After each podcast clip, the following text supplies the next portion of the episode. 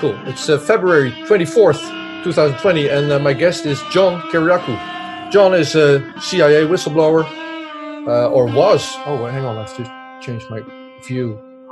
I'm recording on John. There you go. Uh, was, I, I, should say, and is now a uh, successful author and a radio show host. Hello, John. Hello. Thanks for having me. Yeah. Thanks for being back. So I uh, asked you to um, comment on the extradition hearings. I shouldn't say trial, trial, I think, but hearings of uh, of Julian Assange. So let's get, dig into that. What's your take on what's happening here in London? I'm in London, by the way. So just so, so oh, you are in London. Okay, yeah. good. Um, well, day one. Uh, this is a long process. There, uh, it's a very long process. Actually, it's going to stretch into July by all accounts, and um, there's going to be a break of at least a month uh, in the midst of this thing at the request of the American prosecutors, just because they say they can't remain in London for such a long stretch, they're going to have to come back here and regroup. I find that to be very odd, but I do think that that the fact that it's scheduled for such a long period of time is a good thing for Julian because it's going to give the defense, I think, ample opportunity to get a lot of facts into the record about the American prison system uh, that otherwise would have been overlooked or ignored. I think that's a good thing. What what would be the t- top number one fact about the American prison system that they need need in then? Well, it's what Nils Melzer has been saying, the special the UN special rapporteur for uh, for uh, torture, torture, that that the U.S. practice of solitary confinement uh, meets the definition of torture at the United Nations. Uh, and uh, and there's a precedent. There are actually several precedents in British jurisprudence uh, where prisoners have been, uh, where the courts have refused to extradite British prisoners to the United States because they would be subjected to solitary confinement. Okay. So, fingers crossed. I was uh, I was not in the courtroom. I don't hold a press card, so I can't be journalist inside. So I was outside with the people protesting, and um, well, there were some Brits, there were some people from London, a Norwegian guy, Danish guy, me from Holland, and then the French showed up.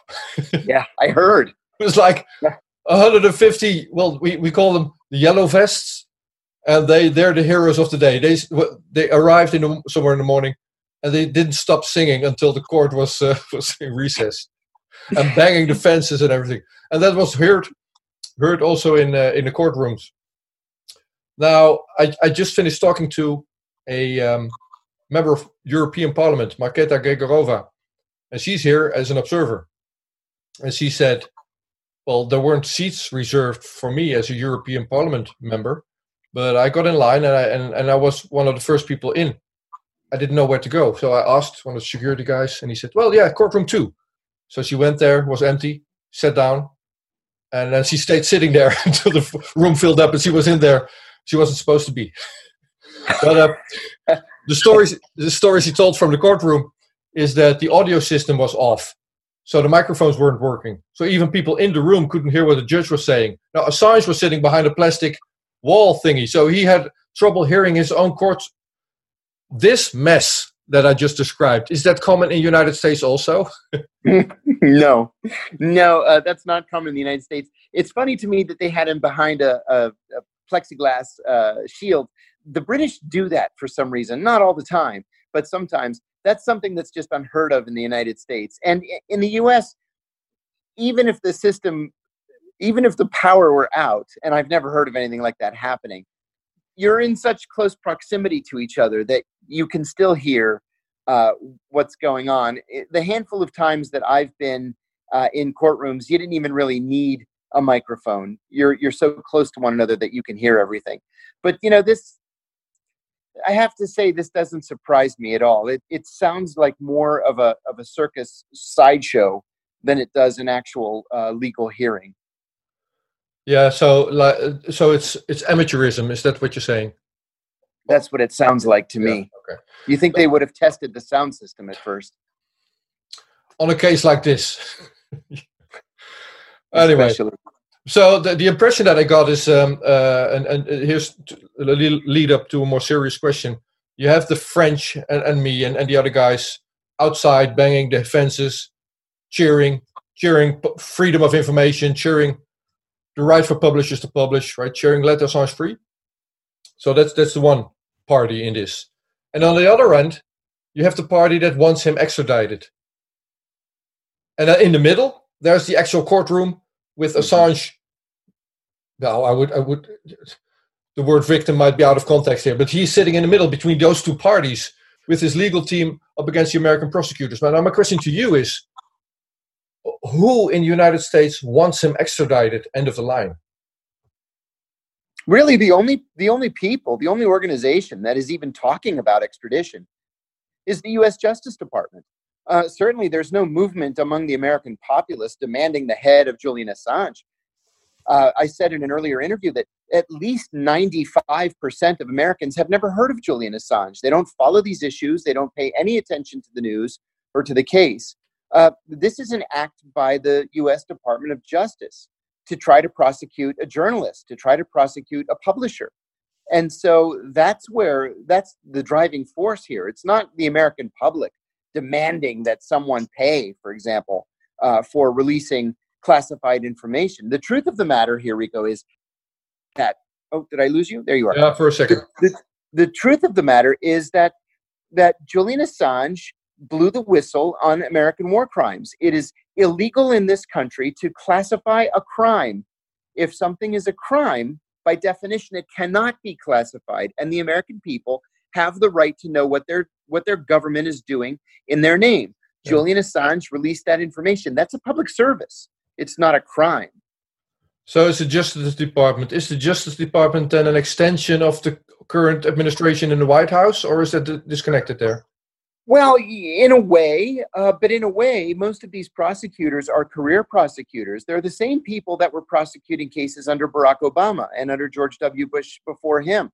So I don't think it's so much ideological as it is institutional, um, and and it's it's the the professional prosecutors at the Justice Department who are looking for his scalp. Oh, okay, okay. Now, uh, what I uh, understand from the court documents uh, is that um, the um, extradition request is based solely on what's happened in the Afghan logs, Afghan war logs, and the Iraq war logs. So the stuff Chelsea Manning leaked uh, back in the yes. day that was published in 2010. So why wasn't the, the later stuff included there? Do you think like Vault 7, uh, what was also through WikiLeaks? Yeah, my guess is that they're holding that information in reserve uh, in case they, they do get him here and uh, he is somehow acquitted um, of the uh, the leaks in the Afghan and Iraq war logs. They have that in reserve to charge him with new crimes afterwards. It sounds like it's personal. Uh, I'm going to ask you again: Who is who's the person? If, if, is there a person that, that has a personal issue with Assange, or is it an institutional personal thing? I, yeah, I think it's I think it's institutional. Um, I think it's the the Justice Department's National Security Division. I think it's the prosecutors in the Eastern District of Virginia, and certainly the judges in the Eastern District of Virginia. And then you had this this completely gung ho Attorney General, now former Attorney General in Jeff Sessions, who got the who got the wheels moving in the first place. William Barr William Barr is not Jeff Sessions. His, his job is to protect the president as he sees it. And um, putting Julian Assange in prison, I think, is going to help uh, with with the Republican base. Okay, well, talk about Republican base. There's a, as seen from this side of the Atlantic, there's a disconnect between the DNC and uh, the Trump group. It does is so you say 95% of Americans may not have heard of the Assange story, but is there a similar disconnect between the other 5% and, and the general population? Like, like really apart? Yeah, there is. There is because there are a lot of Democrats who blame Julian Assange personally for giving us Donald Trump. They believe that that his release of the DNC uh, emails in the in the weeks before the 2016 election guaranteed Donald Trump's victory, and they just will not forgive him for that. Yeah, but the, the previous question your answer there was so it's it's the Justice Department. It's not it's not the DNC thing that that that, that that's involved in this case, right? Yeah, the, well, the DNC doesn't have the authority to do something, but my my point really is that that you know Democrats ought to be Julian Assange's um, natural consi- constituency here. It should be Democrats and progressives who are in the streets uh, demanding that Julian be released. And it's not. It's not in this case. I mean, those of us who are true progressives, yes, we're the ones that in the streets. We're the ones marching to the White House and marching to the Justice Department. But run of the mill Democrats, no, because they blame him for Donald Trump. Okay. So, um, what's what was going on in Washington today? Was there any demonstration? Yeah, there's a demonstration right now as we speak. Let me actually look to see what time it is. It's two o'clock. So, oh, sorry, so, yeah, it's evening where in London where I am. Okay. Yes, it's evening in London. Two hours ago, the demonstration began at the White House. It moved on to the Trump International Hotel, and from there, it went just another couple blocks down the street to the Department of Justice, to the Attorney General's office. They're going to continue doing that every day this week, oh. um, just to keep up the pressure. And it's a variety of uh, progressive groups and um, transparency groups. Okay. Yeah, would would they identify as Democrats then, or is that not talked about? No, no. Actually, I know all of the speakers, and um, and no, they don't identify as Democrats. They identify as either independents or Greens, hmm. um, because they believe, like I do, that the Democratic Party is so similar to and consistent with the Republican Party that there's really not much of a difference between the two. People are thinking that's going to, it might even split even after these elections, you think? I would not be surprised by that at all. And on the other side note, you see Clinton coming into the game again, or, or no? You wouldn't hold it against her. you know, I, I, I loathe Hillary Clinton. I think Hillary Clinton was one of the most dangerous political figures of the of the last generation. Uh, but the rumor is that she might agree to be vice president under Mike Bloomberg. Um, we just have to keep our fingers crossed that we don't trade one corrupt billionaire for another corrupt billionaire. Um, and uh, you know, I, I for one am. I, I love Bernie Sanders. I'm going to proudly vote for Bernie Sanders in two weeks. And it looks like he has enough momentum to put everybody else away. But that's not to say that the Democratic National Committee won't steal this thing from him at Again. the Democratic Convention. Again, exactly. How is he going to respond? Just, just as an aside, uh, looking back at 2016, Bernie Sanders won the the uh, West Virginia primary and the Colorado caucus, won handily, and didn't get a single delegate in either one of those states. Hillary Clinton got all the delegates. That's not democracy. That's theft, yeah. and it's cheating. And that's what we're afraid of happening again. Exactly. That will be my prediction. So, as seen from this side of the Atlantic, that's happening again. And that's going to be the breakup of Democratic Party. Uh, mm-hmm. yeah, and Trump's, Trump's going to win. Anyway, another question. um, I just told you uh, I'm, I'm going to talk to, uh, yeah, well, it's in the future, so I hope it's going to pull through. But I'm, I'm, I'm about to talk to John McAfee. Yes. All right. So he's the guy that invented one of the first antivirus products. Um, mm-hmm. Now, he claims there is no such thing as as uh, computer privacy or, or encryption.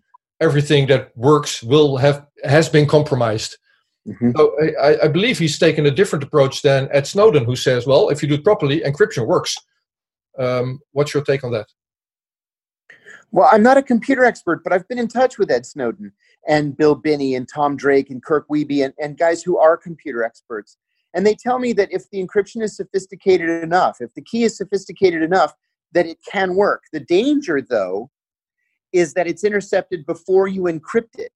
So if so if NSA, for example, is spying on you, or the FBI or CIA are spying on you, and they're able to target your computer as you're typing your message before you hit the encryption key, then they've got you. Yeah. And so it's it's far less safe and far less reliable than most people realize, I think.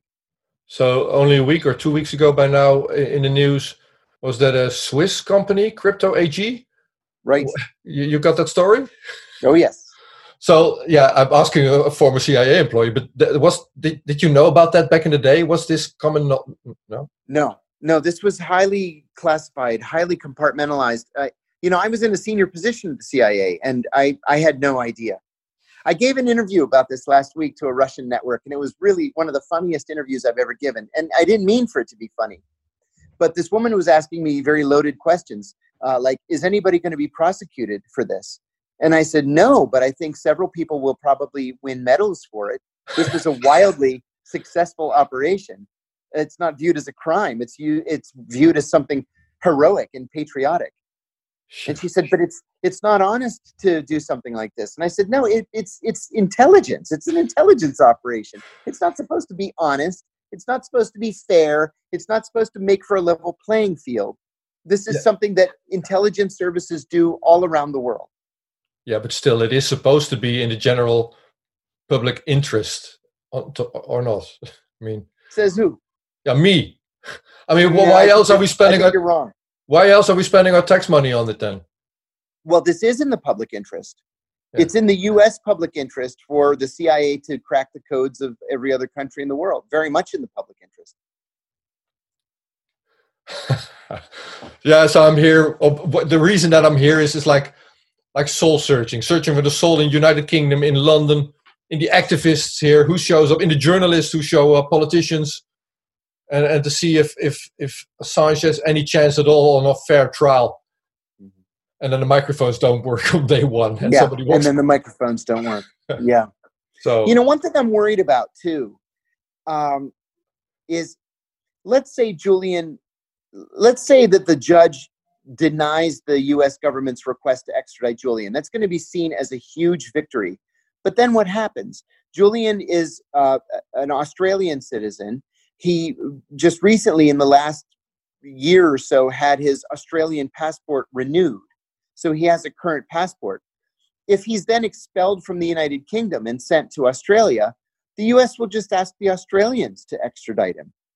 Um, it would be so much better if he were allowed to leave for Russia or if there were a country that would be willing to pro- provide him with asylum. Because I don't think that he would be safe if he wins and he's expelled to Australia. How uh, I don't know the, uh, the United Kingdom legal system, but if you don't get extradited, you don't get expelled, do you? I mean, you're just an Australian. Sure, you do. Sure, you do, because he's not a British citizen. He doesn't have a right to remain in Britain. No, doesn't he have the right to choose his own plane on which he leaves? I, I would hope so. That's really the big question. Uh, I would hope so. so unless they, you know, unless they escort him to the airport and just put him on the first plane to to Melbourne, France. Sydney. France, maybe. I mean, uh, that would be great. I heard he yeah. requested asylum there. Yeah, I, I, heard the same thing. Okay, last question that I have for you. I, I prepared for you. Um, you're aware, you're familiar with a, software product called Secure Drop, I assume. Mm-hmm. So I was not, and I still don't know the, the the workings of it exactly. But on a higher level, if you're a whistleblower and you have some stuff that you want to expose to media, mm-hmm. you would volunteer it to Secure Drop, and that yes. mechanism would land it to the media without there being connection between me and, and and the material that I'm leaking. Right? That's Secure Drop. Yes. Okay. Yes. And if you go to various media outlets in the United States, you go to the websites, you might find secure drop on there as one of the means to, to get information to them. Yes. Okay. I got that right. And it was built, among others. Assange was uh, uh, one of the people uh, getting that system working. Correct. Aaron Swartz was on there. So these would be the, the, the totally independent people trying to get that system to work. Okay. My question is there's another product, product as well. And that was GlobaLeaks. That's also a software product that was adopted, maybe among other parties, but by a Dutch organization, PubLeaks. PubLeaks is using the Global Leak software and does the same thing that I just described. Have you heard about PubLeaks before? No, this this is the first time I've heard of it. Okay. Well, my question to you is, uh, if you find the time and you you know people, I want to know if I can how I how I should weigh PubLeaks as compared yeah. to Secure Drop. Oh, most definitely, Bill Binney and uh, and Tom Drake could give you a detailed answer on that. I will connect. Either one of them. I'm yep. going to connect to them. Excellent. Okay. Uh, there was one last thing. I forgot to write it. Uh, oh yeah, yeah, yeah, yeah, yeah. Ah, before I hang, hang, hang up on, on this phone.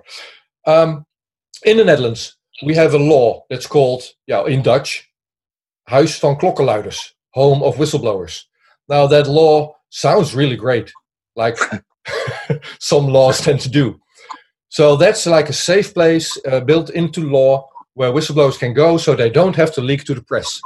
How mm-hmm. cool is that? We don't need the fourth estate because in the safe and secure house of whistleblowers, all things are. Uh, and, and, you even get a, some kind of a whistleblower certificate, like you're you're a real one, so you're protected. Mm-hmm. Yeah, right. Like a former Secret Service person in the Netherlands is on the on their board. Is, is that, that kind of an organization. So right. they're about to evaluate that law and how it functions, and well, it doesn't really function that well. Um, my question right. to you: If you were to build an NGO, and if you would get a law in that would fund that NGO through tax money, let's let's let's just dream that that would be reality someday who would be the people deciding on who's on the board of such NGO? How would we get an, an, a board and an, and an organization protecting whistleblowers and their rights so that it's not corrupted? Well, actually, such an organization already exists. It's called Blueprint for Free Speech. It's based in um, Australia, and uh, the board members are mostly academics, uh, and some of them are transparency and privacy activists. I've worked with them for years, and they've been able to write draft legislation, draft whistleblower protection legislation, and market it around the world. So they hired me in 2015 to help the Greek government write a new whistleblower protection law.